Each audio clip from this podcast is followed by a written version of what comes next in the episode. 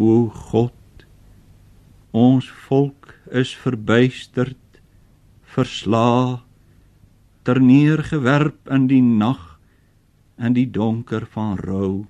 6 September 1966. Dit het alles in een oog gewink gebeur.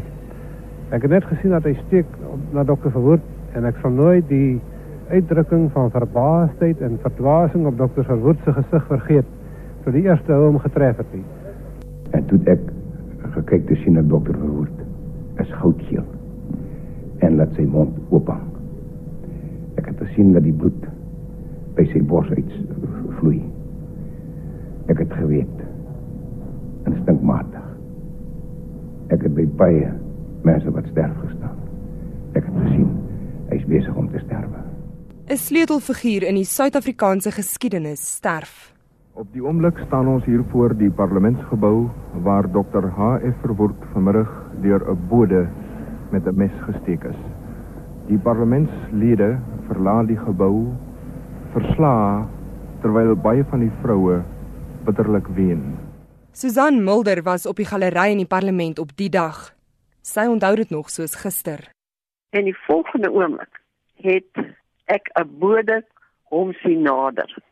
En in die volgende oomblik het die bode om op sy bors met die vuis begin slaan. Hy was 'n groot, fris man met dik swart hare.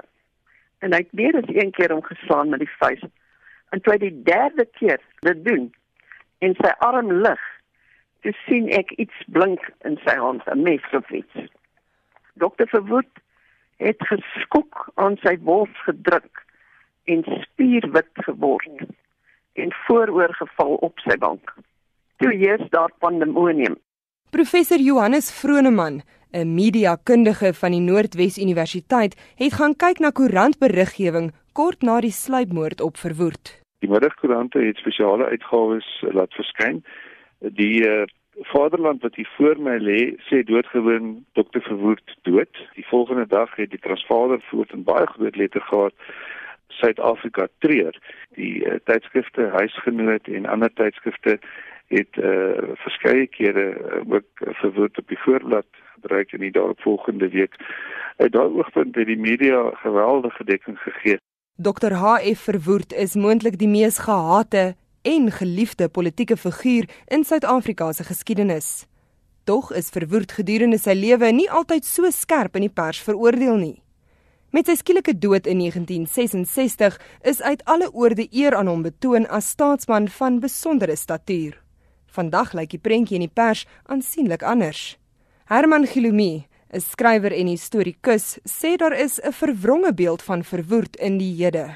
Mens moet hom eintlik oordeel in die tyd waarin hy geleef het nie 50 jaar na die tyd. Kyk wat gebeur het is dat die tuislandbeleid glad nie uitgewerk het soos wat hy gedog het so uitwerk en daar was redes daarvoor die getal swartes was baie meer as wat geprojekteer is. Die hele idee van ekonomiese desentralisasie wat destyds baie gewild was nie net in Suid-Afrika nie dat jy kan groei uh verplaas na die meer verre geleë dele. Dit is heeltemal gediskrediteer geraak. Die vraag is wat sou dokter Verwoerd gedoen het indien hy geleef het uh, langer as sê maar nog 10 jaar na 1966? En nie van ons kan die vraag beantwoord nie. Die soort van oordeel wat nou oor Verwoerd uitgespreek is, was slat nie die oordeel wat selfs liberale Engelse koerante soos Rand Daily Mail in 1965 uitgespreek het ten tye van sy dood nie. Ja, ek dink Verwoerd sou binne die persoon met die mees verwronge beeld, ja. Verwoerd is dood op 6 September 1966, maar dit was nie die eerste poging tot 'n sluipmoord nie. Die onsuksesvolle poging was in 1960 deur 'n welvarende suiwelboer, David Pratt. Dimitri Tsafendas was egter suksesvol. 'n Buitelander en die parlementêre bode was 'n skadu-agtige figuur en daar was baie vrae oor hom na die moord, aldus Vroneman. Die landstem van destyds het byvoorbeeld 'n uh, opskrif gehad wat gelei het Tsafendas het op gerugte van ander moorde oor see. Landstem het ook berig in die volgende woorde ons vyande slaan skokkend toe in ons midde. Die Bekes het dit weer destyds geskryf wat ons vyande in die buiteland nie kon regkry nie. Het 'n slinkse sluipmoordenaar uit die buiteland in die hart van ons parlement reggekry toe hy die eerste minister in sy amptelike sitplek in sy hart doodgesteek het. Daar is wel 'n geregtelike ondersoek na die moord gedoen, maar Tsafendas is nooit verhoor nie. Hy is as geestelik versteurd en derhalwe ongeskik vir verhoor verklaar. Die res van sy lewe het hy in die tronk deurgebring en hy is in 1999 dood. Ook vir Woerd se begrafnis op 10 September 1966 het baie media dekking geniet.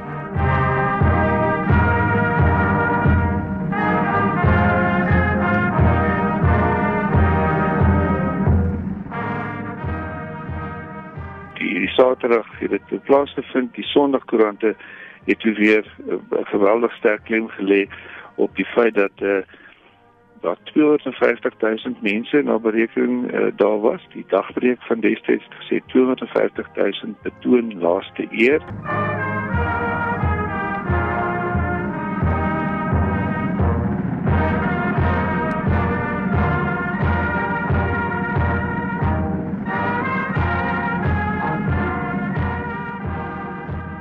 Skakel nou oor na die amfitheater van die Unie gebou in Pretoria vir die staatsbegrafnis van wyle die eerste minister, sy eerle Dr H.F. Verwoerd.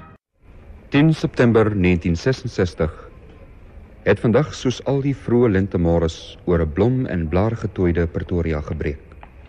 Maar dit is asof die natuur, die bloeisels, die helder blou lug, die tyd alles stil staan want Suid-Afrika treur oor een van sy grootstes. Suid-Afrika het gekom om 'n laaste afskeid te bring aan Hendrik French Verwoerd.